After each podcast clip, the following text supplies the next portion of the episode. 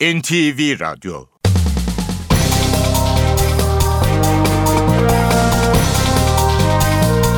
İşe Giderken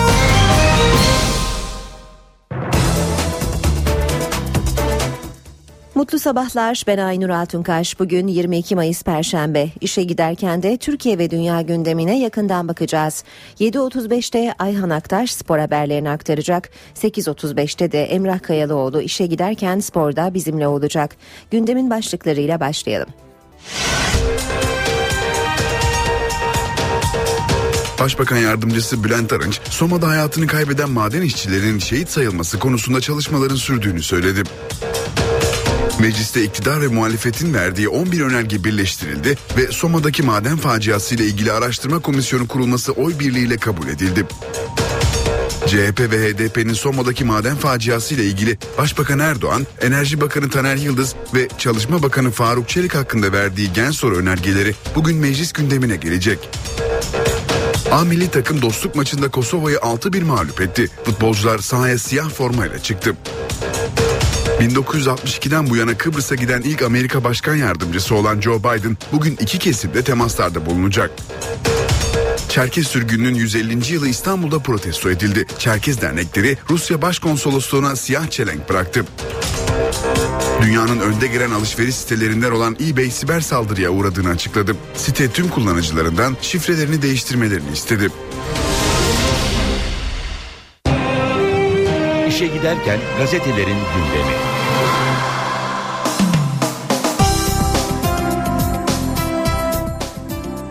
Hürriyetle basın özetlerine başlıyoruz. Dokunulmaz diyor Hürriyet manşetinde. 301 madencinin öldüğü Soma'daki facianın soruşturmasında savcının büyük patron Alp Gürkan için gözaltı talebini mahkeme reddetti. Savcı üst mahkemeye itirazda bulundu. Ocağı denetleyen müfettiş ve denetçiler de soruşturmaya dahil edildi diyor Hürriyet.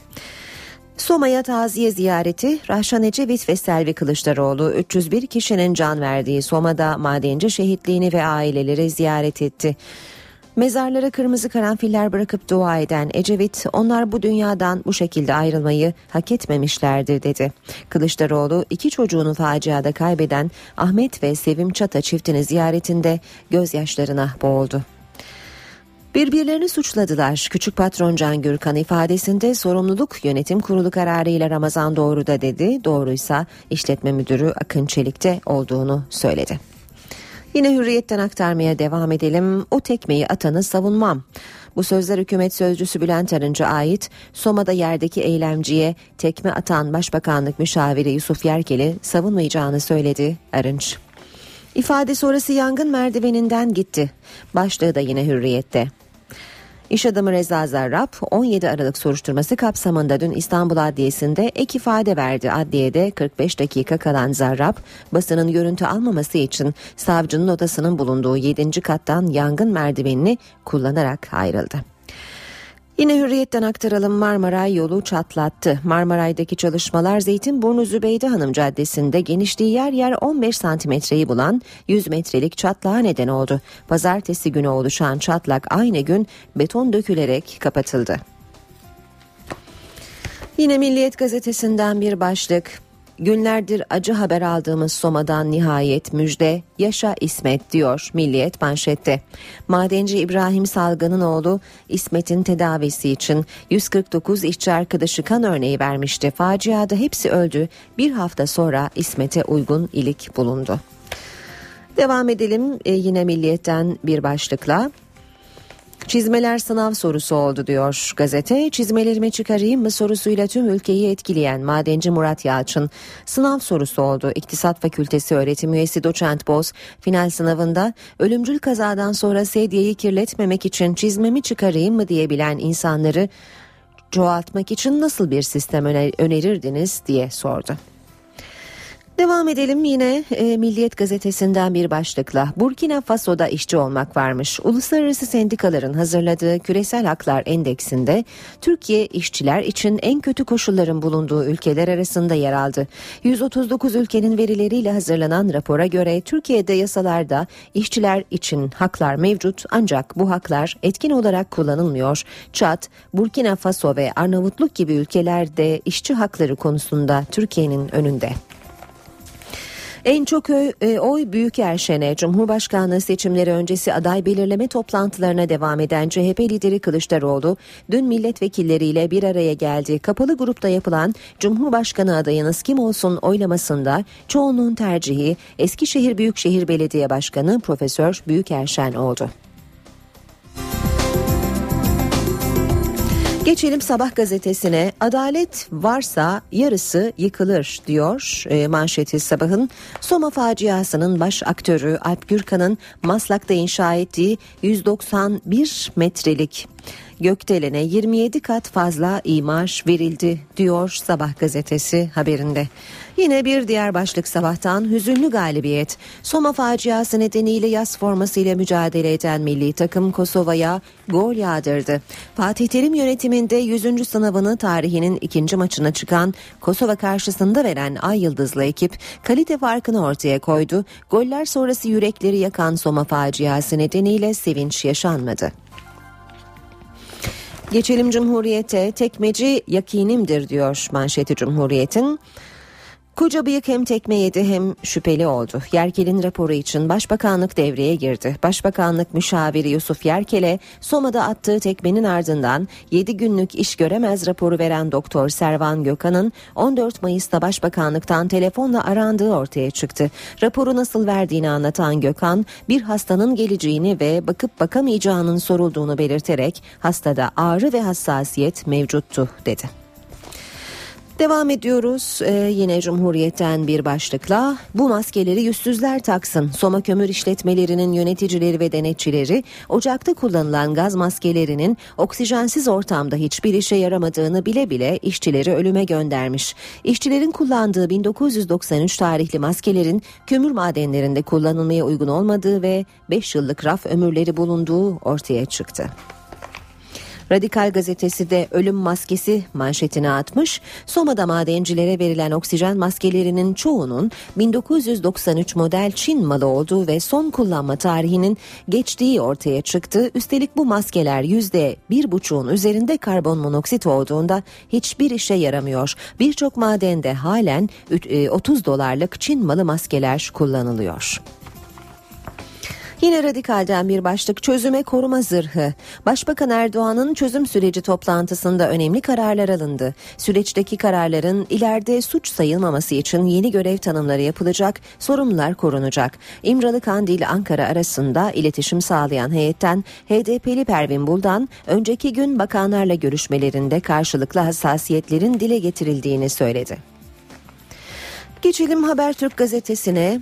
Çözüm için paket yolda diyor Habertürk'te manşette. Üç bakan çözüm zirvesinde HDP'lilere yeni bir paket hazırlıyoruz son aşamaya geldik dedi. Atalay Bozdağ ve Ala çözüm zirvesinde 3 HDP'li vekili Buldan, Baluken, Baluken ve Önder'e yeni bir paketin olduğunu anlattı. Son aşamasına geldik ancak zaman alacak dediler. Başbakan yardımcısı Atalay'da HDP görüşmesi için dün çözüm süreciyle ilgili bir aksama yok normal yürüyor o konuda hükümetimizin kararı kararlılığı tamdır açıklaması yaptı. Gündem Soma meclis boş. Görüşmeye değil oya geldiler. Mecliste dün Soma faciasını araştırma önergeleri boş sıralarla görüşüldü.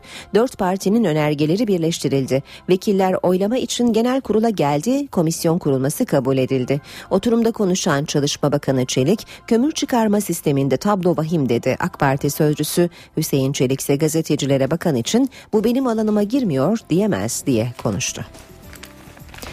Zaman gazetesi var sırada taşeron işçi 10 yılda 3 kat arttı diyor manşeti zamanın. İşçilerin aleyhine olan taşeronluk sistemi Soma faciasından sonra yine gündeme geldi. Taşeron işçi sayısı Türkiye'de son 10 yılda 3 kat artarak 1 milyon 100 bine ulaştı. Soma'daki madende MIS, GEMA, Doğanay gibi kayıt dışı isimlerle çalışan taşeron firmaların fazla üretim için işçileri yarıştırdığı ortaya çıktı. Yeni Şafak maden 3 ay kapalı diyor. Faciadan sonra iki kez madene girip inceleme yapan iş müfettişlerinin ilk tespitleri var. Yangından dolayı sarkan kömürler ve çökmeler var. Maden bu gerçek e, bu gerekçeyle kapatıldı. Tüm eksiklerin giderilmesi gerek yoksa açılmayacak. Bu durum en az 3 ay sürer deniyor haberin devamında. Ve Star gazetesine bakalım. Yüksek teknoloji sıkı denetim diyor Star'da manşette. Hükümet maden güvenliği için harekete geçti. Maden kanunu sil baştan değişiyor. Üretim için gelişmiş ülkelerde ölümleri engelleyen yüksek üretim teknikleri baz alınacak. Ağır denetimler yapılacak. Ve gaz maskelerinin Çin malı ve küflü çıktığı bilgisine de yer veriyor. Star gazetesi haberinde. Saat 7.16 işe giderken gündemin ayrıntılarıyla sürüyor. Bakanlar Kurulu Soma'daki facianın ardından tek gündem başlığıyla toplandı. Soma'da yaşananlar, yürütülen çalışmalar ve benzer felaketlerin önüne geçmek için atılacak adımlar konuşuldu. Hayatını kaybedenlerin sivil şehit sayılması ve yeni maden yasası ile ilgili çalışmalar konuşuldu. Toplantının ardından açıklamayı Başbakan Yardımcısı Bülent Arınç yaptı.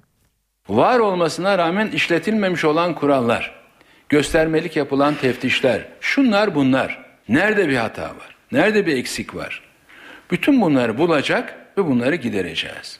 Yani her şey çok iyiydi, çok mükemmeldi de bu kaza nereden çıktı? Soma faciasının nedenleri ve sorumluları ortaya çıkarılacak. 7,5 saat süren Bakanlar Kurulu'nda kararlılık vurgusu yapıldı. Toplantının ardından kameraların karşısına geçen Başbakan Yardımcısı Bülent Arınç, faciada hayatını kaybedenlerin şehit sayılması konusunda çalışmaların sürdüğünü söyledi. Ailelerine yapılacak yardımları anlattı. Vefat eden kardeşlerimizin doğrudan şehit sayılması konuşulmuştur. Ancak bu konuda verilmiş bir karar yoktur. Sosyal sigortalar ve genel sağlık sigortası kanunun içerisine yeni bazı hükümler koymak suretiyle acılarını hafifletebilecek, çocuklarının istikbalini garanti altına alabilecek bir düzenlemeyi umarım ki yakın zamanda sizlere açıklama fırsatımız olacak. Bülent Arınç, madenler kapatılacak mı sorusunu da yanıtladı. Göçüktü, grizu patlamasıydı, metan gazıydı. Bunlarla karşılaşacaksak evet bu şartlar altında bu üretim devam etmemeli. Alınan bütün tedbirlere rağmen yetersizse, ölüm mukadderse o zaman bizim kapatmayı ve bunun dışındaki tedbirleri düşünmemiz lazım. Yeni maden yasası da kabinenin gündemindeydi. Önemli olan bu iş kazalarını minimize edecek. Yani işveren tarafından alınması gereken tedbirlerle devlet tarafından alınması gereken denetim, teftiş tedbirlerinin neler olması gerektiği. Arınç gerek görüldüğü takdirde başka denetim mekanizmalarının da hayata geçebileceğini vurguladı. Hükümet sözcüsü Enerji ve Çalışma Bakanları ile ilgili istifa tartışmalarına da değindi. İleride bir kusurları ortaya çıkarsa Sayın Başbakan takdir eder dedi. Türkiye Büyük Millet Meclisi Soma faciasını araştıracak. İktidar ve muhalefetin verdiği 11 önerge birleştirildi ve araştırma komisyonu kurulması genel kurulda oy birliğiyle kabul edildi. 301 işçinin hayatını kaybettiği Soma faciasını meclis araştıracak. AK Parti, CHP, MHP ve HDP tarafından faciayı araştırmak için komisyon kurulması önergeleri mecliste kabul edildi. Önergelerin görüşmeleri sırasında genel kurulda bulunan milletvekili sayısı bir ara 78'e kadar düştü. Önce Çalışma ve Sosyal Güvenlik Bakanı Faruk Çelik çıktı kürsüye. Madenle ilgili yapılan denetimlerin de inceleneceğini söyledi. Öncelikle bu olayla ilgili kimse suçlu en ufak bir endişeniz olmasın. O denetimlerin denetlenmesiyle ilgili de düğmeye bastık. O da ortaya çıkacak. Çelik maden ocakları ile ilgili çarpıcı bir tespitte de bulundu. Tablo vahim ifadesini kullandı. Tablo aslında vahim.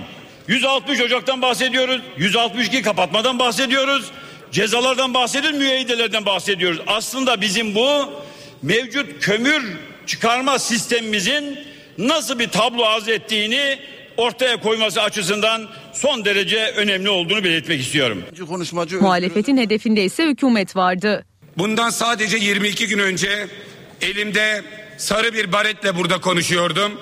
Ancak 22 gün sonra bu baret kara renge boyandıysa bunda bu meclis sorumludur. artık yaşanan bu facianın perde arkasını araştırmak, sorumluların hesap vermesini hiçbir şeyi örtbas etmeden sağlama zamanıdır.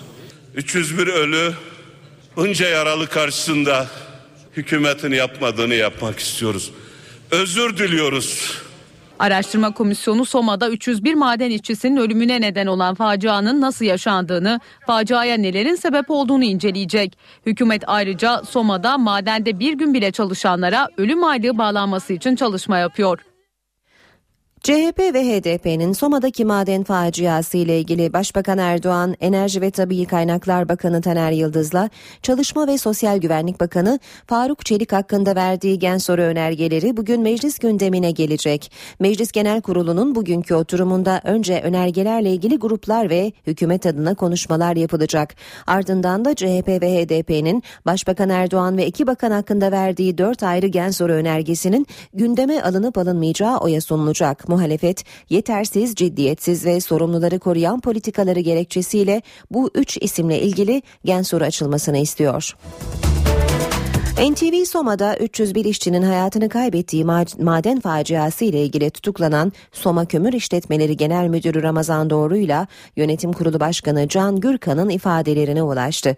Bu ifadelerden anlaşılan Can Gürkan ekibini Ramazan Doğru ise işletme müdürü Akın Çelik'i suçluyor. Manisa Soma'daki maden faciası ile ilgili tutuklanan Soma Kömür İşletmeleri Genel Müdürü Ramazan Doğru'yla Yönetim Kurulu Başkanı Can Gürkan'ın ifadelerine ulaşıldı. Can Gürkan ekibini suçladı. İş hukuku ve maden hukuku konusundaki hukuki ve cezai sorumluluk yönetim kurulu kararıyla Ramazan Doğru'ya verilmiştir. Ben yapmış olduğum görev gereği madencilikle ilgili teknik bilgiye sahip değilim. Şirketimize bağlı birden fazla kömür ve krom madeni var.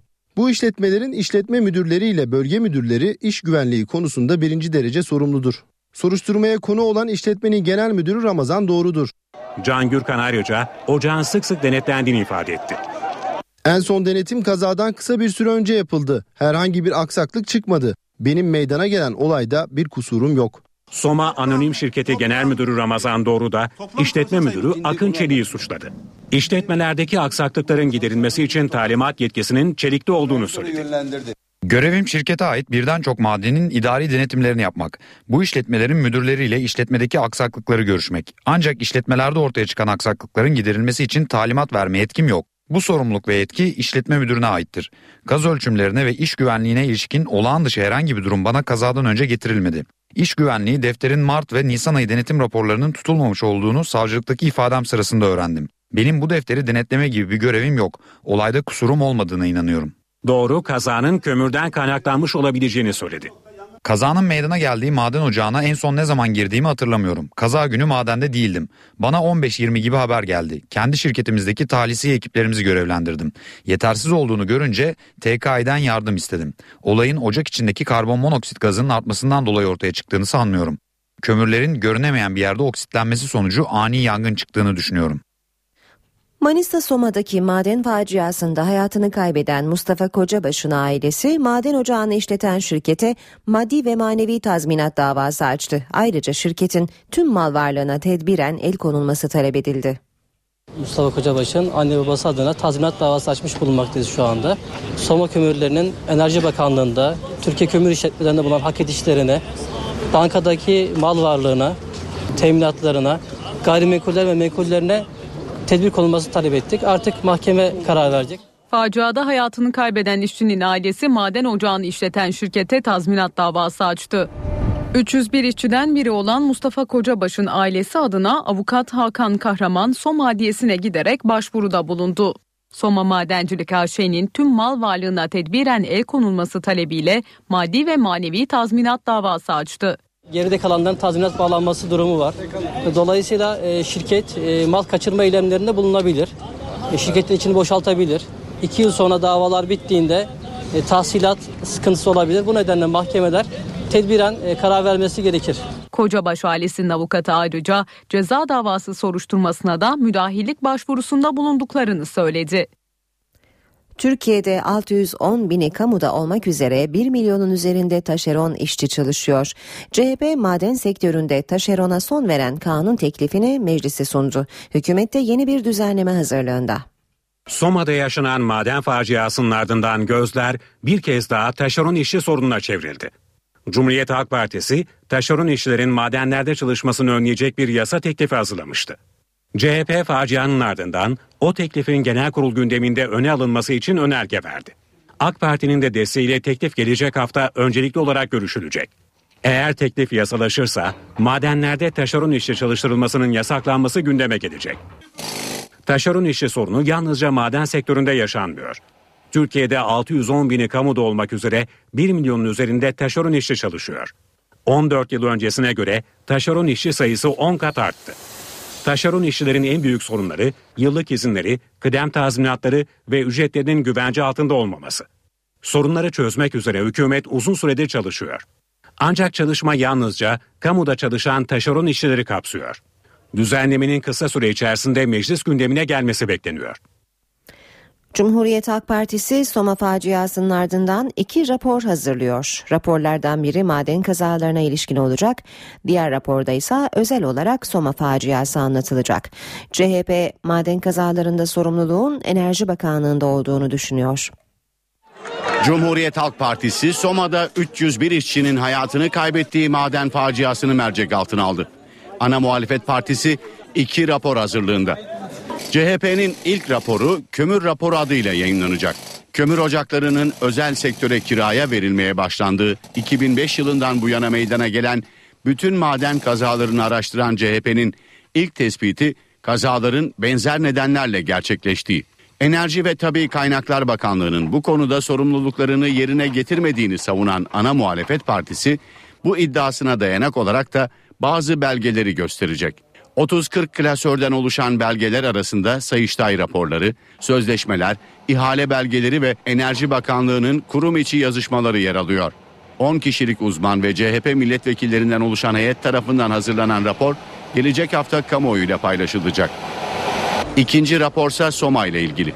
Raporu facianın ardından Soma'ya giderek gözlemlerde bulunan CHP heyeti hazırlıyor. Raporda çalışma koşulları, kişisel hatalar, ocaktan kaynaklanan eksikler yer alacak.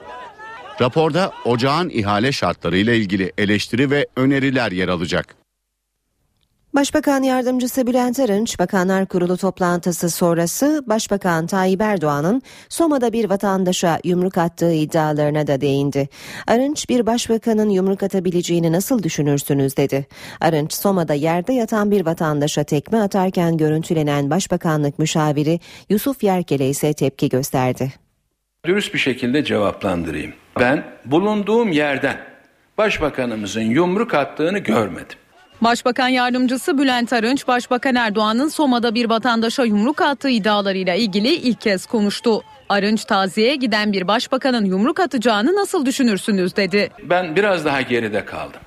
Yani benim oradan görebildiğim ve duyabildiğim kadarıyla başbakanımız kimseye yumruk atmadı. O görüntülere bakarak yorum yaparlarken yanlışlıklar yapıldı. Bu yanlışlıklardan en büyüğü de bir ülkenin ismini zikrederek başbakanımızın filanın filanı şeklinde bir beyanı var. Tekrar etmekten hicap duyuyorum. Yemin ederim ki böyle bir cümlesini de duymadım. Yani orada tutmak için elini uzatmış olabilir mi? Bir ihtimal olabilir. Bir başbakanın yumruk atacağını nasıl düşünebilirsiniz? Oraya kimse yumruklamak için gitmedik. Milletin acısını hafifletmek üzere gitti. Bakanlar Kurulu toplantısı sonrası açıklama yapan Arınç'a Başbakanlık müşaviri Yusuf Yerkel'in bir vatandaşa tekme attığı görüntülerde soruldu. Bu çok feci bir olay. Yani bu doğrudur, yerindedir diyecek halde değilim. Bir, zaten bu adam bir eylem yapmış, polis onu etkisiz hale getirmiş. Ben yerde görüyorum onu. Yerde olan bir insana niçin tekme atılır? Hiçbir şekilde atılmaması lazım. Bülent Arınç, Yusuf Yerkel'in aldığı 7 günlük iş göremez raporunu da değerlendirdi. Rapor konusu trajikomik bir olay. Yani ben de ilk duyduğum zaman herhalde tekmelerken ayak bileğini burkmuş olmalı diye düşündüm. Başbakan Yardımcısı Bülent Arınç, Soma'da hayatını kaybeden maden işçilerin şehit sayılması konusunda çalışmaların sürdüğünü söyledi. Mecliste iktidar ve muhalefetin verdiği 11 önerge birleştirildi ve Soma'daki maden faciası ile ilgili araştırma komisyonu kurulması oy birliğiyle kabul edildi. CHP ve HDP'nin Soma'daki maden faciası ile ilgili Başbakan Erdoğan, Enerji Bakanı Taner Yıldız ve Çalışma Bakanı Faruk Çelik hakkında verdiği gen soru önergeleri bugün meclis gündemine gelecek. A milli takım dostluk maçında Kosova'yı 6-1 mağlup etti. Futbolcular sahaya siyah formayla çıktı. 1962'den bu yana Kıbrıs'a giden ilk Amerika Başkan Yardımcısı olan Joe Biden bugün iki kesimde temaslarda bulunacak. Çerkez sürgününün 150. yılı İstanbul'da protesto edildi. Çerkez dernekleri Rusya Başkonsolosluğu'na siyah çelenk bıraktı. Dünyanın önde gelen alışveriş sitelerinden olan eBay siber saldırıya uğradığını açıkladı. Site tüm kullanıcılarından şifrelerini değiştirmelerini istedi.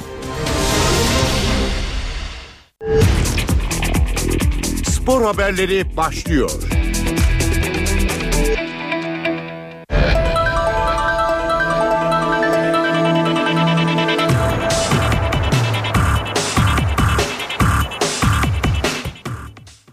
Günaydın ben Ayhan Aktaş spor gündeminden gelişmelerle sizlerle birlikteyiz. Amili takım dostluk maçında dün akşam Kosova'yı farklı mağlup etti.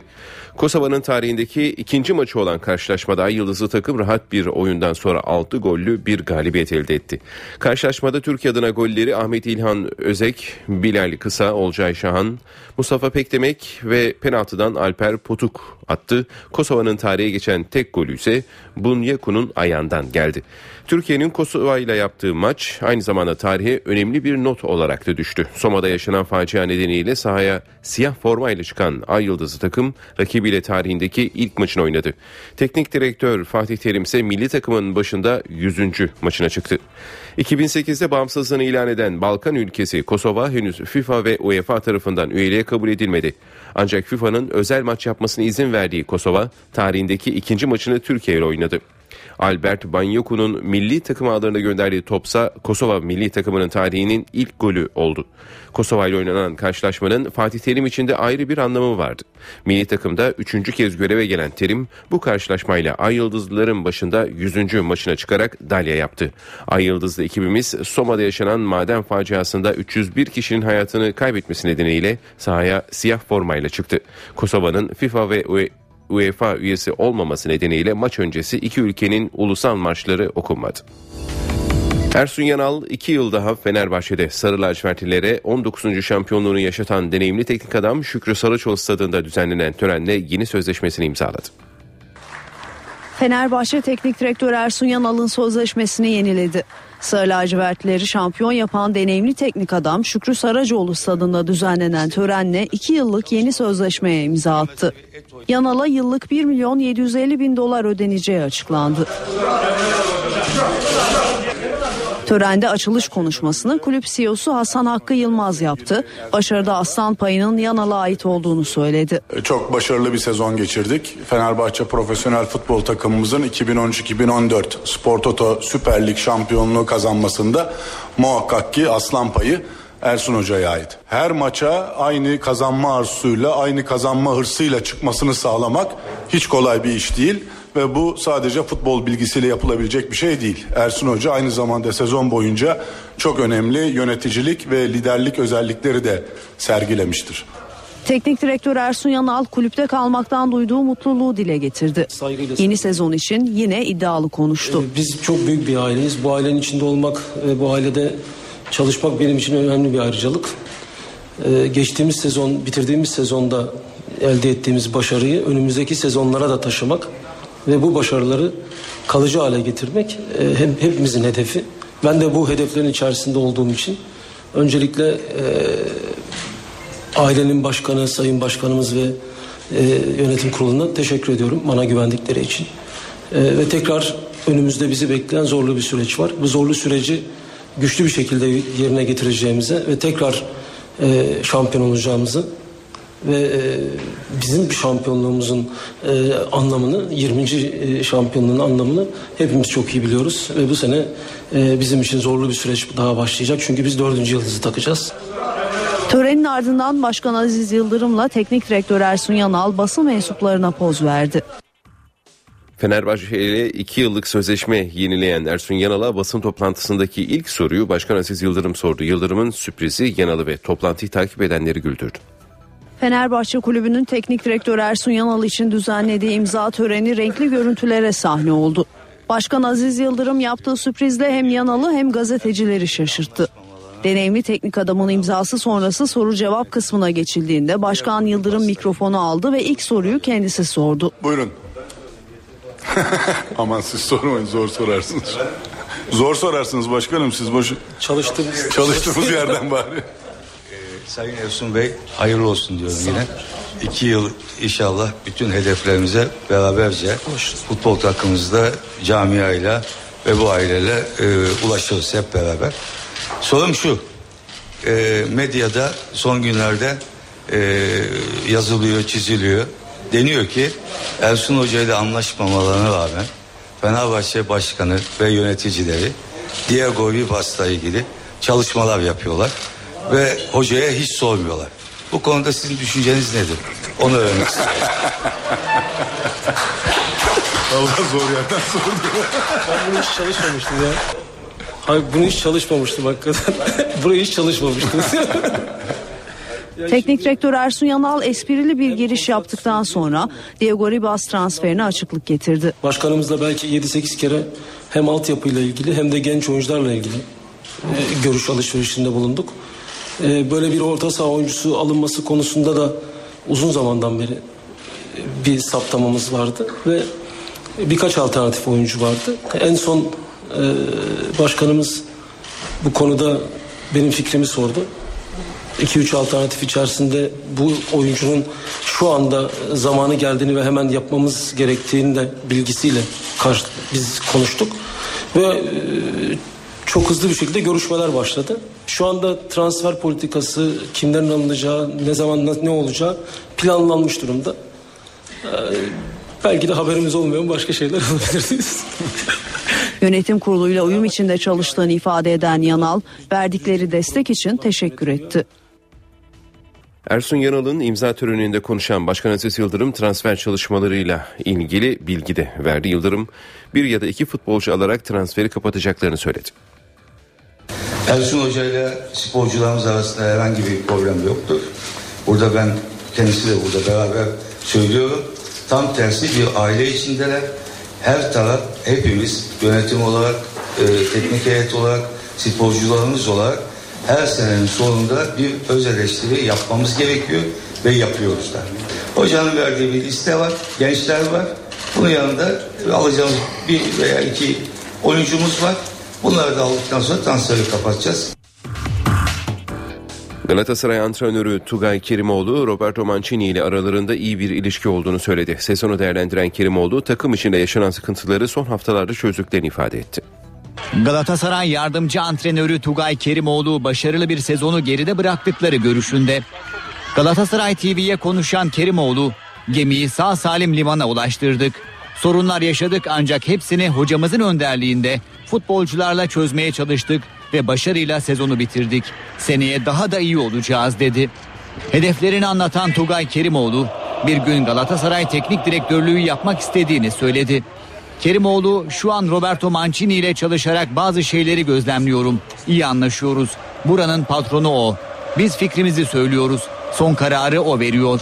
Kendime çok güveniyorum. Ancak önemli olan merdivenleri yavaş yavaş, emin ve karakterli bir şekilde çıkmaktır diye konuştu.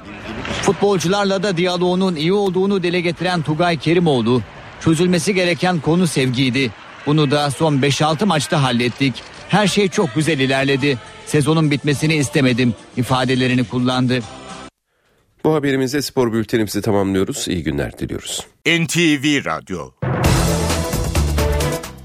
Günaydın herkese yeniden işe giderken de yeni saate başlıyoruz. Gündemin başlıklarını hatırlayalım ardından hava durumunu konuşacağız. Başbakan Yardımcısı Bülent Arınç, Soma'da hayatını kaybeden maden işçilerin şehit sayılması konusunda çalışmaların sürdüğünü söyledi. Mecliste iktidar ve muhalefetin verdiği 11 önerge birleştirildi ve Soma'daki maden faciası ile ilgili araştırma komisyonu kurulması oy birliğiyle kabul edildi.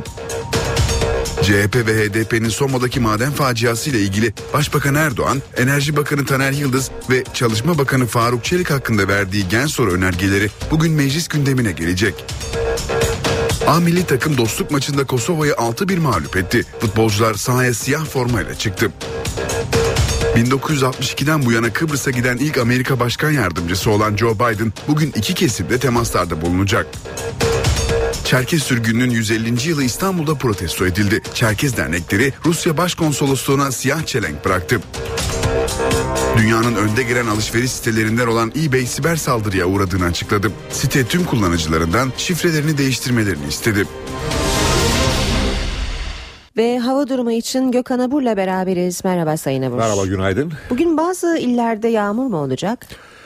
Evet bahar yağmurları diye isimlendirebileceğimiz kısa süreli yağışlar e, aralıklarla devam ediyor. Özellikle doğuda şu anda yağış devam ediyor. İç kesimlerde bulutlanma artmaya başladı. Karadeniz'de artan bir bulutlanma var. Kastamonu civarında sabah saatlerinde hafif yağış vardı. Gün boyu bu bölgede olacak. Bolu'da alçak bulutların oluşturduğu görüşü bozan sis var ki bu da disenti şeklinde yağış bırakacak. Batı Karadeniz'de özellikle İstanbul Boğaz girişinde Marmara'nın içinde ve Kuzey Ege'de Poyraz yönlü rüzgar bugün kuvvetli esecek ve Poyraz'ın kuvvetli esmesi bulutlanmayı zaman zaman arttırsa da çok hafif yağış geçişleri Marmara'nın güney kesimlerinde bekliyoruz. Özellikle Balıkesir, Bursa, Sakarya arasında hatta kısmen Çanakkale'de gün içinde hafif yağış geçişi görülebilir. Yine Edirne'nin kuzey ilçeleri ve Kırklareli arasında artacak e, bulutlanmada o bölgede çok kısa süreli yağış bırakabilir bugün için. Evet rüzgarın kuvvetli esmesi tabii ki hissedilen sıcaklıkları azaltıyor. Yani şu anda İstanbul'da hava sıcaklığı 18 derece ama hissedilen sıcaklık 14 derece. Bugün İstanbul'da beklediğimiz en yüksek sıcaklık ise 21 derece civarında olacak. Kıyı Ege'de yağış yok. İç Ege'de Afyonkarahisar Kütahya arasında gün içinde hafif yağış görülürken Bodrum ve çevresinde yine karayel var. Karayel yönlü rüzgar kuvvetli esmeye devam edecek. Akdeniz'de kuvvetli rüzgar beklemiyoruz ama artacak bulutlanma özellikle güneyli rüzgarların bu Akdeniz'de artıracağı bulutlanmada hafif de olsa yağış bırakabilecek. Göller bölgesi Antalya'da hafif bekliyoruz. Antalya Isparta arasında gök gürültülü sağanak geçişi görülürken yine e, Mersin Adana arasında öğle saatlerinde hafif de olsa yağış olasılığı var. İç Anadolu bölgesinde Konya Karaman arasında gün içinde e, artacak bulutlanmayla kısa süreli de olsa sağanak yağışların daha kuvvetli olmasını bekliyoruz. İç kesimlerde özellikle Niğde, Kayseri, Sivas boyunca yine gök gürültülü sağanaklar devam ederken Ankara'da bugün sıcaklık 22-23'lere kadar çıkacak ama artan bulutlanma çok kısa süreli yağış bırakabilir. Hemen bakıyorum e, doğuda ise yağış devam ediyor demiştim. Gün boyu devam edecek aralıklarla yağışlar var ve bu yağışlar doğudaki yağışlar yarın da etkisini sürdürecek. Yarın için e, yine yurt, yurt genelinde yağış var. Rüzgarlar yine sert esmeye devam edecek. Ee, Kuzey Ege ve Marmara'da yarın yağış beklemiyoruz ama Güney Ege ve İç Anadolu'nun batısında daha kuvvetli olmak üzere yurdun diğer kesimlerinde yağışlar aralıklarla devam edecek. Ege'de hafta sonunda yağış yok fakat yurt genelinde artacak bulutlanmayla hafta sonunda kısa süreli yağış geçişleri görülecek. Rüzgarın kuzeyli rüzgarların giderek zayıflaması ve güneye dönmesiyle önümüzdeki hafta sıcaklıkların ülke genelinde hissedilir derecede yükselmesini bekliyoruz. Artık yaz kendisini önümüzdeki haftadan itibaren iyice hissettirecek ama yine de kısa süreli yağışlar ülke genelinde önümüzdeki haftada görülmeye devam edecek. Peki. Teşekkürler Gökhan Abur. NTV Radyo. Gündeme yakından bakmaya devam edelim. Cumhurbaşkanı Abdullah Gül ile Başbakan Erdoğan Çankaya Köşkü'nde bir araya geldi. Yaklaşık 45 dakika süren görüşmenin ardından herhangi bir açıklama yapılmadı. Görüşmede Soma'daki maden faciasının ardından yaşananlar, yürütülen çalışmalar ve bundan sonra atılacak adımlar masaya yatırıldı. İki liderin gündeminde çözüm süreci ve Cumhurbaşkanlığı seçimi de vardı. AK Parti'nin Cumhurbaşkanı adayını Mayıs ayı sonunda netleştirmesi bekleniyor. Dün bir başka görüşme daha vardı. MHP Genel Başkanı Devlet Bahçeli Cumhurbaşkanlığına çatı aday belirlemek için turlarına dün de devam etti. Bahçeli Cumhurbaşkanı Gül'le görüştü. Çankaya Köşkü'ndeki görüşme 35 dakika sürdü. Görüşmede Bahçeli'nin çatı aday formülüne ilişkin görüşlerini Gül'e aktardığı belirtiliyor. Bahçeli daha önce 9. Cumhurbaşkanı Süleyman Demirel ve 10. Cumhurbaşkanı Ahmet Necdet Sezer'le de görüşmüştü. MHP lideri çatı aday için turlarına devam edecek. Henüz takvim netleşmedi ancak Bahçeli sivil toplum örgütü temsilcileriyle de görüşecek. CHP ise köşk adayını belirlemek üzere kapalı toplantı yaptı. Milletvekilleri istedikleri 3 ismi kapalı zarfla kurulan sandığa attı. Genel Başkan Kemal Kılıçdaroğlu da sivil toplum kuruluşlarıyla görüşmeye başladı. Esnafla başladık. Siftahı sizinle yaptık. CHP'de köşk mesaisi hızlandı. CHP lideri Kemal Kılıçdaroğlu, Cumhurbaşkanlığı seçimi turlarına Türkiye Esnaf ve Sanatkarlar Konfederasyonu ile başladı. Esnaf ve sanatkarlar olarak nasıl bir cumhurbaşkanı istiyorsunuz? Diğer meslek kuruluşları ve sivil toplum örgütlerin de görüşlerini aldıktan sonra adayımızı belirlersek sağlıklı ve tutarlı bir yol izleyeceğimize inanıyoruz. Oturup masa başında aday belirlemenin doğru olmadığını düşünüyoruz. Kılıçdaroğlu bu görüşme öncesinde de CHP meclis grubunu topladı. Basına kapalı toplantıda milletvekillerine Cumhurbaşkanı olarak görmek istedikleri 3 isim soruldu. İsimler kapalı zarfta sandığa atıldı.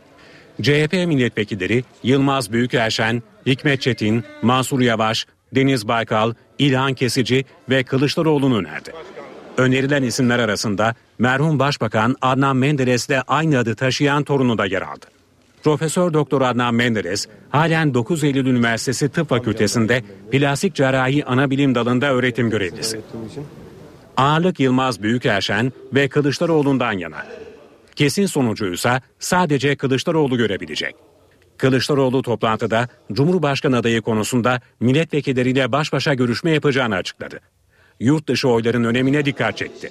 Toplantıda 17 milletvekili söz aldı. Ortak görüş CHP'nin kendi adayını çıkarması yönünde oldu. Çatı aday formülünün ikinci turda değerlendirilmesi gerektiği vurgulandı. Çatı aday çıkarırsak parti olarak lokomotif olma özelliğini kaybederiz görüşü dillendirildi. Genelkurmay Başkanı Orgeneral Necdet Özel ile eski Genelkurmay Başkanı İlker Başbuğ'un Ankara'da bir araya geldikleri ortaya çıktı.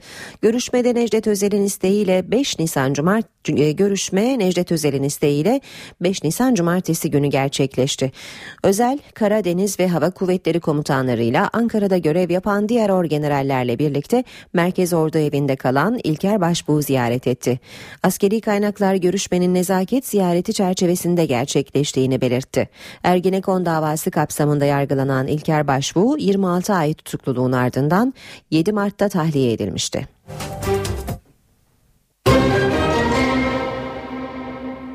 Türkiye'de her yıl ortalama 1500 kişi iş kazalarında hayatını kaybediyor. Yani her yıl sessiz sedasız 5 Soma faciası yaşıyoruz. Bu manzara iş kazalarında Türkiye'yi Avrupa'da birinci, dünyada üçüncü yapıyor. NTV muhabiri Ilgaz Gürsoy, Profesör Cem Kılıç ve iş güvenliği uzmanı Mehmet Uygur'la konuştu. Türkiye'de günde 200'den fazla iş kazası oluyor. Bu kazaların sonucunda ise her gün ortalama 4 kişi yaşamını yitiriyor. Bunlar resmi rakamlar. Bir de istatistiklere yansımayanlar var. Sosyal Güvenlik Kurumu'na bildirilmediği için resmi iş kazası sayısı daha düşük gözüküyor. Ülkemizde son 10 yılı dikkate alacak olursak ortalama yıl bazında ölüm sayısı, iş kazaları nedeniyle ölüm sayısı 1500 kişiler civarında ki oldukça yüksek bir oran. İş kazalarına bakıldığında Türkiye bu ölüm oranlarıyla Avrupa'da birinci sırada yer alıyor. Dünyada ise üçüncü sırada. Teftişler Türkiye'de çalışılan iş yeri sayısına baktığımızda yeterli sayısı iş teftiş müfettişi yok. Mümkün değil olmazsa diyeyim. 5-600 civarında teknik müfettişimiz var. İş kanununa göre yine işveren çalışanın sağlık ve güvenliği korumak için her türlü önlemi almak, uygulatmak ve denetletmek zorundadır der. Ülkemizde en çok iş kazası inşaat sektöründe yaşanıyor. Oran %60 seviyesinde. Onu maden ocakları ve taş ocakları izliyor. Peki çözüm ne? Yapılan anket çalışmaları gösteriyor ki iş yerlerinin sadece %50'si şu anda bu yasayı uyguluyor. Dolayısıyla yasanın uygulanabilirliği, kabul edilebilirliği önemli. 6331 sayılı yasa kabul edilmiş olmasına rağmen yasa çıktıktan sonra da bu ölüm sayısında bir azalma maalesef meydana gelmedi. Çerkes sürgününün 150. yılı İstanbul'da protesto edildi. Beyoğlu Galatasaray Meydanı'nda bir araya gelen Çerkez dernekleri Rusya Başkonsolosluğu'na siyah çelenk bıraktı. Meşaleler yakıldı, dev bayraklar açıldı. Çerkes Dernekleri Federasyonu'na bağlı gruplar Beyoğlu'nda bir araya geldi. Eylemciler Çerkeslerin 150 yıl önce Rusya tarafından sürgün edildiğini belirterek protesto gösterisi yaptı. Benim bütün ailem yani büyük dedelerim hepsi Kafkasya'da öldürüldü. Ee, bu çok önemli bir konu ee, ve Türkiye tabii ki bizi gayet güzel bir şekilde kabul etti ama Kafkasya'nın da kurtulması gerekiyor. Rusya'nın bize yaptığı zulümden e, bizi ana vatanımızdan Osmanlı topraklarına sürdü. Biz tekrar Çerkez'e kendi topraklarımıza dönmek istiyoruz. Göstericiler Rusya Başkonsolosluğu'na yaklaştıklarında ise önleri polis tarafından kesildi. Kısa süre sonra göstericilerin yanlarında getirdikleri siyah çelengi konsolosluk kapısına bırakmalarına izin verildi. Çevik kuvvet ekiplerinin bekleyişi eylem bitimine kadar devam etti. Protesto yürüyüşü olaysız bir şekilde sonlandı. 1962'den bu yana ilk defa bir Amerika Başkan Yardımcısı Kıbrıs'ı ziyaret ediyor. Rum yönetiminin davetlisi olarak dün akşam Kıbrıs'a giden Joe Biden, çözüm planı getirmedim, çözüm çabalarına destek için geldim dedi. Amerika Başkan Yardımcısı bugün hem Rum kesiminde hem de Kuzey Kıbrıs Türk Cumhuriyeti'nde temaslarda bulunacak. Kıbrıs tarihi bir ziyarete tanıklık ediyor. 1962'den bu yana ilk kez bir Amerika Birleşik Devletleri Başkan Yardımcısı adaya ayak bastı. Biden havalimanındaki açıklamasında barış görüşmelerine desteğini vurguladı. Adadaki hava çözüm için müsait dedi. Elbette temaslarımın önemli bir noktası da adadaki barış görüşmeleri olacak. Kıbrıslı Rum ve Türk liderlerle görüşmek için sabırsızlanıyorum. Biden beraberinde bir çözüm planı getirmediğini, çözüm empoze etmeye değil, kapsamlı çözüm çabalarına yardımcı olmaya geldiğini sözlerine ekledi. Joe Biden bugün hem Rum kesiminde hem de Kuzey Kıbrıs Türk Cumhuriyeti'nde temaslarda bulunacak. Rum yönetimi lideri Nikos Anastasiadis'in daveti üzerine adayı ziyaret eden Biden, Kuzey Kıbrıs Türk Cumhuriyeti Cumhurbaşkanı Derviş Eroğlu ile de görüşecek. Joe Biden Eroğlu'nu başkanlık ofisindeki konutunda ziyaret edecek. Ziyarette Kuzey Kıbrıs Türk Cumhuriyeti bayrağı ve sembolleri yer almayacak. Ama Biden'ın konuta gelişinde girişteki iki Kuzey Kıbrıs Türk Cumhuriyeti bayrağı gönderde olacak. Joe Biden ayrı ayrı görüşmelerinin ardından iki lideri akşam yemeğinde aynı masada buluşturmayı planlıyor. Amerikan Başkan Yardımcısının ziyaretinin en önemli gündem maddelerini adadaki barış görüşmeleri ve enerji konuları oluşturuyor. Biden'ın adada iki bölgeli, iki toplumlu federasyon kurulabilmesi için taraflara destek vermesi bekleniyor. Bu konuda ülkesinin rol oynamaya hazır olduğunu taraflara iletecek. Görüşmelerde Kapalı Maraş'ın iskanı açılması ve buna karşılık Kuzey Kıbrıs Türk Cumhuriyeti'ndeki ambargolu limanlarda serbest ticarete izin verilmesi de ele alınacak. Biden'ın ziyaretinin adadaki liderlerin cesaretlendirilmesi ve barış sürecinin kopmadan devam etmesi için büyük önem taşıdığına dikkat çekiliyor.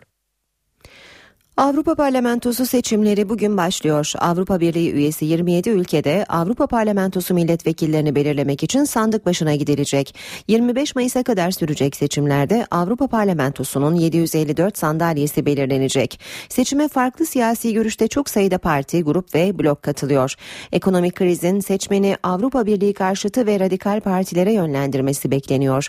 Bu isimler arasında öne çıkan kişilerse Yunanistan'ın aşırı sağcı Altın Şafak Partisi lideri İlyas Panagiotaros ve İtalya'nın en büyük ikinci partisi 5 Yıldız Hareketi lideri Beppe Grillo'da bulunuyor. Grillo'yu Hitler'e benzeten Avrupa Parlamentosu'nun şimdiki başkanı Martin Schulz da adaylar arasında.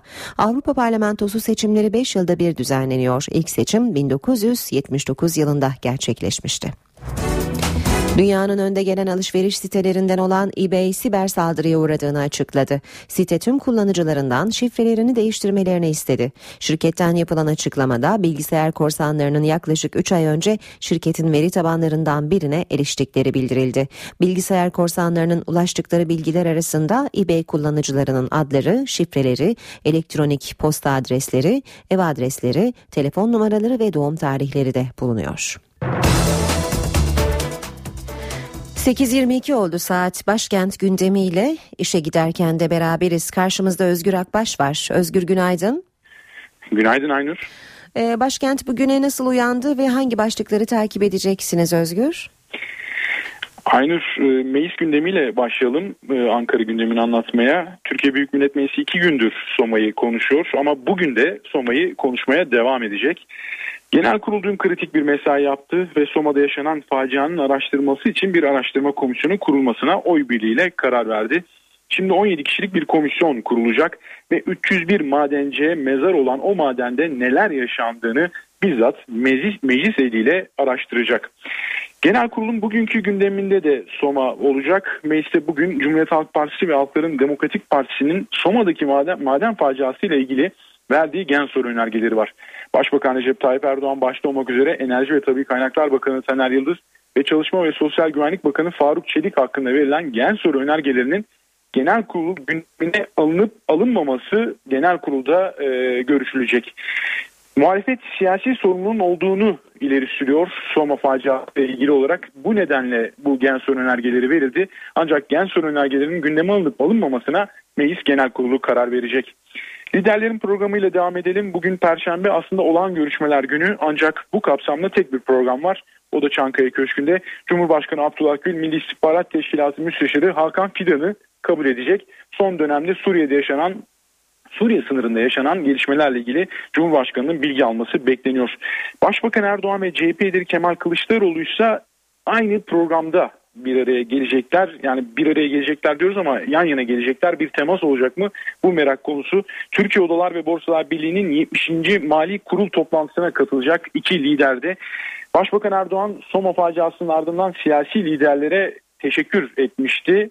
E, o teşekkürün ardından iki isim arasında bugünkü toplantıda e, bir temas yaşanacak mı gerçekten bu merakla bekleniyor.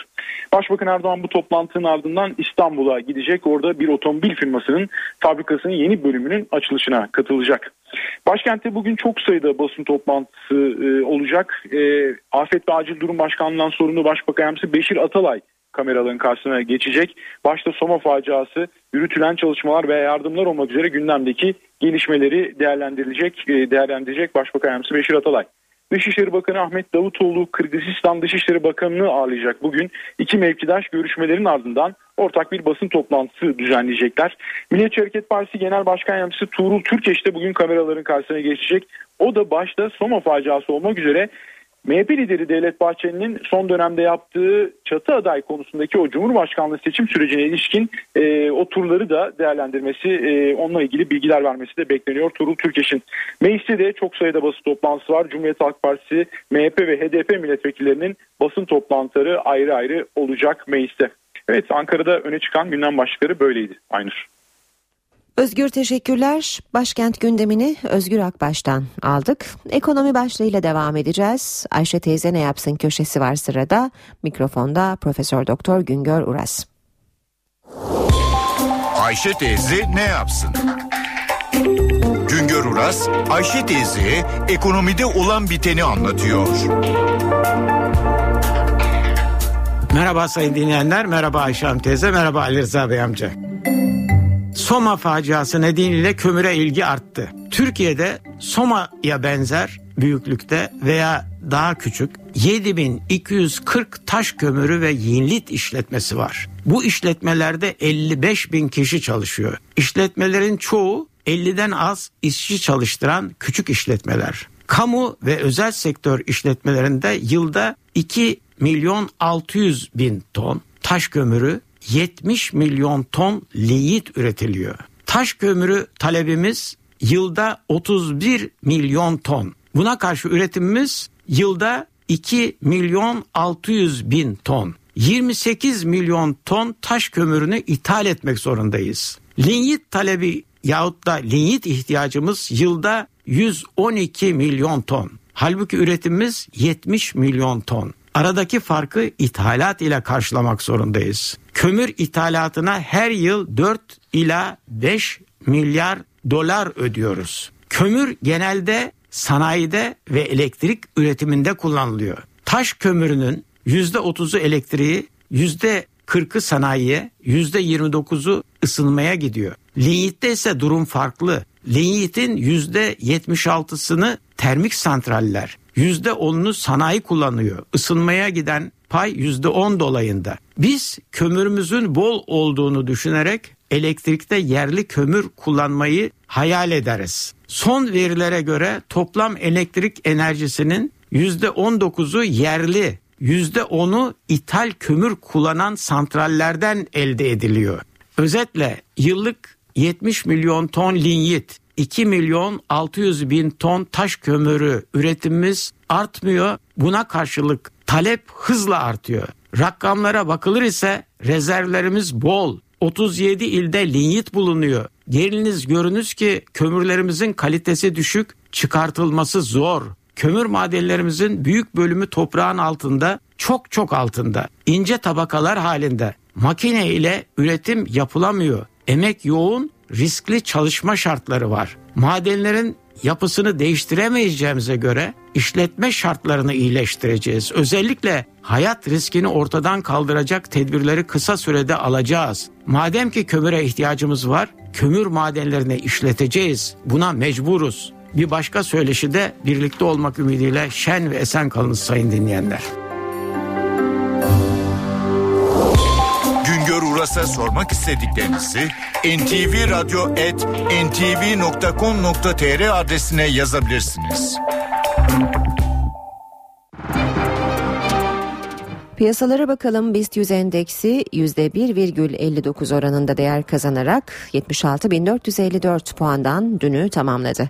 Bu sabah serbest piyasada dolar 2 lira 9 kuruş, euro 2 lira 87 kuruştan satılıyor. Euro dolar 1.37, dolar yen 102 düzeyinde. Altının onsu 1292 dolar, kapalı çarşıda çeyrek altın 153 liradan satılıyor. Brent petrolün varili 110 dolar. Emrah Kayalıoğlu'yla işe giderken spor. NTV Radyo'da gündem şimdi spor. Emrah Kayalıoğlu ile beraberiz. Günaydın. Ee, bugün gazetelerde spor sayfalarında gözümüzü en çok Ersun Yanal'ın imza töreninde e, töreni ve e, bu tören sırasındaki sorular cevaplar çarptı. Komik olmuş biraz. Daha doğrusu eğlenceli olmuş diyelim. Komik demeyeyim, eğlenceli diyeyim. Yani o tip e, yani lafı ilk sözü alanın e, başkan olması, e, orada o Diego transferini senden Hı hı. habersiz yaptığımız söyleniyor. E, ne diyorsun bu konuda yorumun nedir? Güzel olmuş diye. bence de. E, ilk soruyu kendisinin sorması. İşin o tarafı güzeldi ama e, işte ondan sonra tekrar böyle medyaya bir istemkar e, ifadeleri oldu başkanın tekrar. Yani iş orada kalsa güzel oluyor da e, başkan o gün statta şampiyonluk töreninde yaptığı gibi devamını getirmeyi seviyor. Hmm. Ne oldu peki sonra basın toplantısında? Bir şey olmadı yani işte Eto'yu da yazıyorsunuz da şöyle de oluyor da böyle de oluyor da diye bir öyle bir medyaya da bir yüklendi. Yani o, or- orasına gerek yoktu yani bana sorarsanız. Orada zaten ho- hoş bir ortam var, keyifli bir ortam var. Ee, yani kahkahalar Ersun Yanal'dan olsun e, Fenerbahçe CEO'su e, Evet, hep gülen yüzlü Hakan fotoğraflar gördük olsun. Evet yani son derece keyifli bir ortam vardı. Yani tabii Diego Ribas'la ilgili e, Ersun Yanal'ın verdiği cevap da bu transferin artık e, yani bitti gözüyle bakmamıza Hı hı. yol açıyor. Ee, onun dışında da öyle bir iki transfer daha yapılacak gibi duruyor. Dördüncü Ama yıldız çok, için. e, öyle radikal bir değişiklik olmayacak gibi gözüküyor. Ee, Dördüncü yıldız için söz vermiş Ersun Yanal. o özgüveni geçen sene de boyunca da sözleşme imza attıktan sonra da ilk maçı Konya'da kaybettikten sonra da hep e, Şampiyon bu- olacağız demişti. O ifadenin üzerine basa basa söyledi. Bu güzel bir şey ve doğru bir şey. Bu güveni hissedeceksin, o inanacaksın ki takıma da aynı şeyi inancı aşılayabilesin. O gayet doğal karşılıyorum onu. Doğru bir hamle hatta. Hı hı. Ee, sözleşmeyle ilgili merak edilen iki tane husus vardı işte. Süresi ve ücret. Ee, sürenin iki yıl olması doğru. Yani bir artı bir olmasındansa böyle olması daha doğru.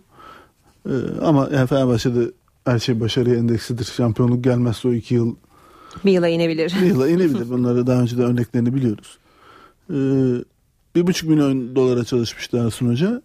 Ee, yeni sözleşme 1.750. Ee, yani Türkiye için gerçekten ciddi bir para bu tabii hı, ki. hı hı. Ama e, Türk futbolu ve büyük kulüplerin e, teknik direktörlük e, koltuğu için değil. Hı hı. Yani ben daha yüksek bir e, Bana da biraz düzenleme gibi gelmişti. bekliyordum açık söyleyeyim yani. Ya iki taraf kabul ettikten sonra Evet. bu konuda bize diyecek bir laf Tabii, düşmez. E, ama yani e, Türk futbolunun geldiği noktayı Fenerbahçe gibi bir kulübü onun teknik direktörlük makamının e, yani tabii ki sadece iş para değildir. Daha başka e, manevi hazları vesaire vardır ama o koltuğun değerinin bence daha yüksek olması gerekir ama iki tarafta evet dedikten sonra dediğim gibi biz bu nokta bu soru bu konuya burada Nokta koyalım bir kere mı? değinip kapatalım. Peki. Onların kendi aralarında öyle evet dedilerse evettir yani. Şimdi gazetelerde küçük gördüğümüz bir haber var. Aslında büyük bir haber. İsterseniz e, Fikret Orman'ın da Lig TV açıklamaları vardı ama ondan önce bu konuya mı değinsek? UEFA'nın Eskişehir ve Sivas'ı men etme tehlikesi söz konusu. Yani biraz geç açıklandı. Yani dün gece 10.30 civarıydı UEFA'nın bu konudaki açıklama listesine koyduğu saatler. Ee, yani o anlamda biraz belki milli maçında e, getirdiği mesai yorgunluğunun üstüne gazetelerde ben bazı gazetelerde büyümüş bazı gazetelerde ufak kalmış. E, ama yani bence son derece önemli bir gelişme çünkü bir de hatta 10.30'da değil ya 9.30 civarıydı açıklandığında doğru. E, yanlış tabi milli maçı ben bir an 8'de mi başlamıştı hı. gibi hesaplayıp e, düşündüm. Yok milli maç 7'de başladığı için tabi bu olayda 9.30 civarı açıklanmıştı. Haber şöyle isterseniz hemen aktarayım. E, Temiz Komisyonu UEFA Temiz Komisyonu 2-3 Haziran tarihlerinde Eskişehir ve Sivas hakkındaki şike iddialarını görüşecek. Bu açıklamayı dün yani yaptı internet sitesinden. Yeni sezonla ilgili yakın bir tarihle ilgili bir şey değil. Maçlarda bir kere dinleyicilerimize onu aydınlatalım. Bu Türkiye'de işte 3 Temmuz şike süreci hı hı, o dosyayla hı. içinde e, adı geçen kulüplerin e, Avrupa kupalarına katılma hakkı elde ettikleri zaman e, bunlar bir beyanda bulunmak durumundalar.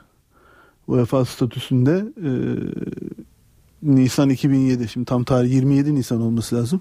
27 Nisan 2007'den itibaren e, hiçbir şekilde maç sonucu etkileme teşebbüsü eylemi içinde e, dolaylı ya da doğrudan yer almadık şeklinde kulüplerin yazılı beyanları oluyor. Beyan bu beyanı vermeden giremiyorsunuz. Evet. Yani evet. kupalara katılmak için gerekli şartlardan biri bu. Ee, o tarih deniyor öyle. UEFA statüsünün o tarihte değiştiği için öyle. Onu bir yerden öyle başlattılar. Geriye doğru değil de o değişiklikten itibaren başlattılar. Ee, yani burada da 2011'deki dosyayla ilgili e, işte Kasta da onaylanan artık belli maçlar var. Ee, bunların içinde Sivas ve Eskişehir'in de maçlarının yer alıyor olması sebebiyle UEFA bu konunun inceleneceğini açıkladı. Hı hı. Ee, incelemeyi UEFA'nın tahkim kurulu yapacak. Temiz kurulu, tahkim kurulu yapacak. Öyle yani appeal committee olarak açıkladılar. Yani disiplin komitesi değil. Ee, 2-3 Haziran'da işte iki kulübün ilgili dosyalar Nyon'da görüşülüp karara bağlanacak.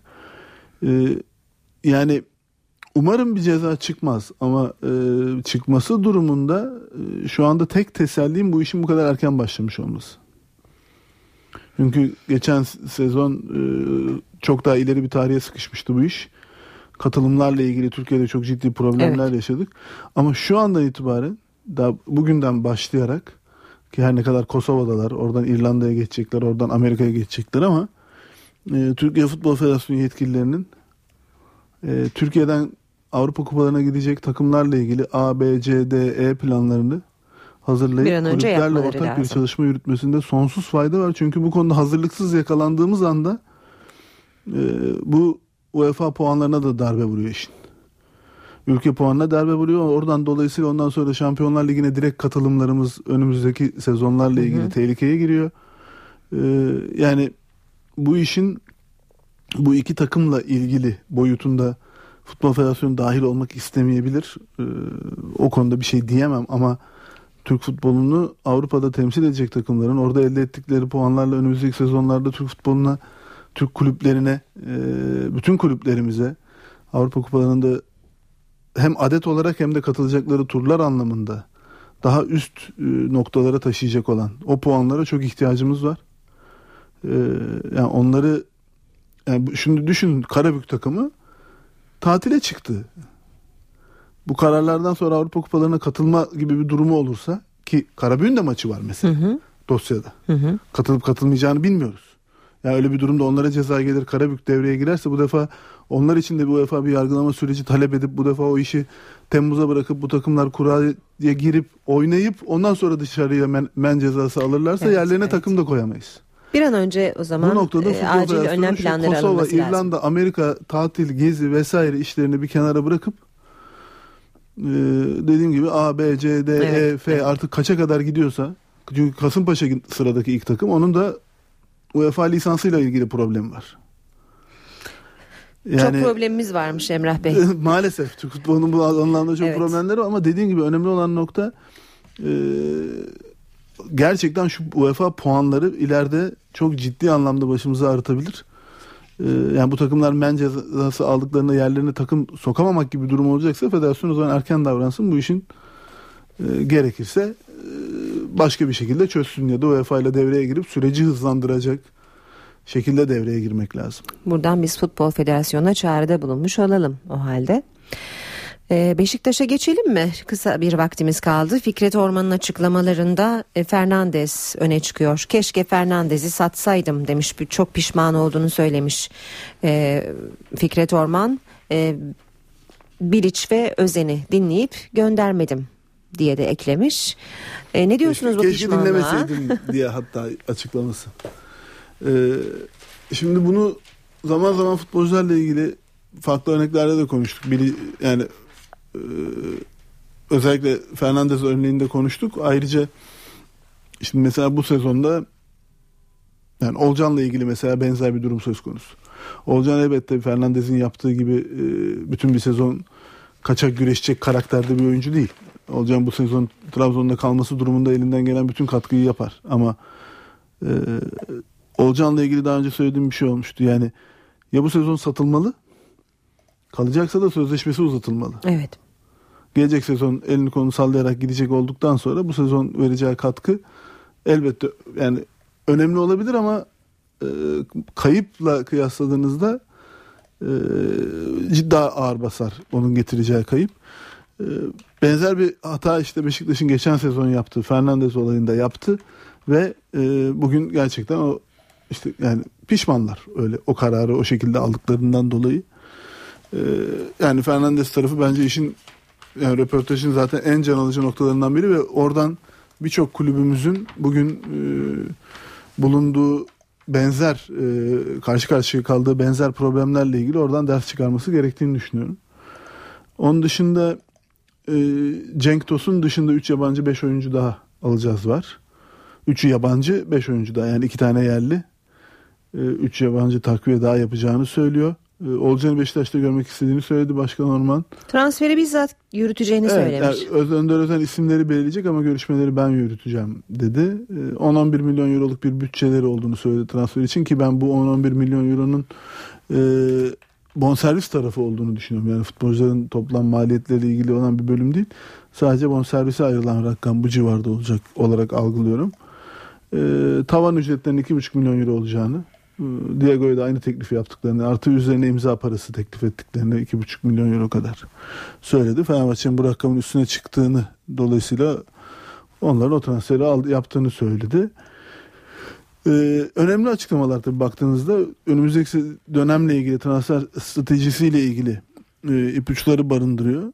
Ee, yani en azından bunları açık açık söylemiş olması güzel. Ee, yani medyada da bundan sonra Beşiktaş haberlerinde bu çerçeve üzerinden gitmekte fayda var. Yani bu bütçeyi düşünmekte, Hı hı. e, bu maaşı Hı hı. öngörmekte, ona göre e, Haberleri- alınacak alınamayacak oyuncular noktasında ona göre bir değerlendirme yapmakta da fayda Yani var. okuduğumuz şeylere inanıp inanmamakta Ya yani sonuçta futbolcu inanıp inanmamak noktasında şunu söyleyeyim. Yani her kulübün e, çok uzun bir transfer listesi olur. E, bu transfer listesinde bugün yazılan oyuncuların e, yok ya o da Türkiye'ye gelir mi dediğimiz birçok oyuncu o listeye bir yazılır, incelenir, e, vazgeçilir. Olmayacağı anlaşılır. Yani sonuçta e, yani o yazılan isimlerin Türkiye'ye gelmiyorlar diye o kulüp o futbolcuyu hiçbir zaman düşünmemiş transferini anlamına gelmez. Hmm. Onun bir altını çizelim. Hı. Yani ama yani her futbol, futbol kulübünün çok uzun bir transfer listesi olur. Onun içinden de işte 4 tane, 5 tane, Hı hı. 3 tane, 6 tane artık o sezonki ihtiyaca göre oyuncu transferi yapılır. Ee, ama işte bize 70 tane isim yazdınız sadece 5'i geldi dediğinizde e, sizin listenizde de zaten 70 olmasa bile yola çıkarken bir 50-60 vardı zaten. Evet. Öyle bakmak Peki. lazım yani. Ee, şu- bu programımız sona erdi ama e, 10.30 haber özetlerinden sonra Evet, daha milli maçı da konuşamadık. milli maçı konuşamadık. Milli evet. maçı da konuşacağız. Önemli gelişmeler de vardı gazetelerde. Onlara da bakacağız da. 10.30'dan sonra görüşmek üzere. Hoşçakalın. NTV Radyo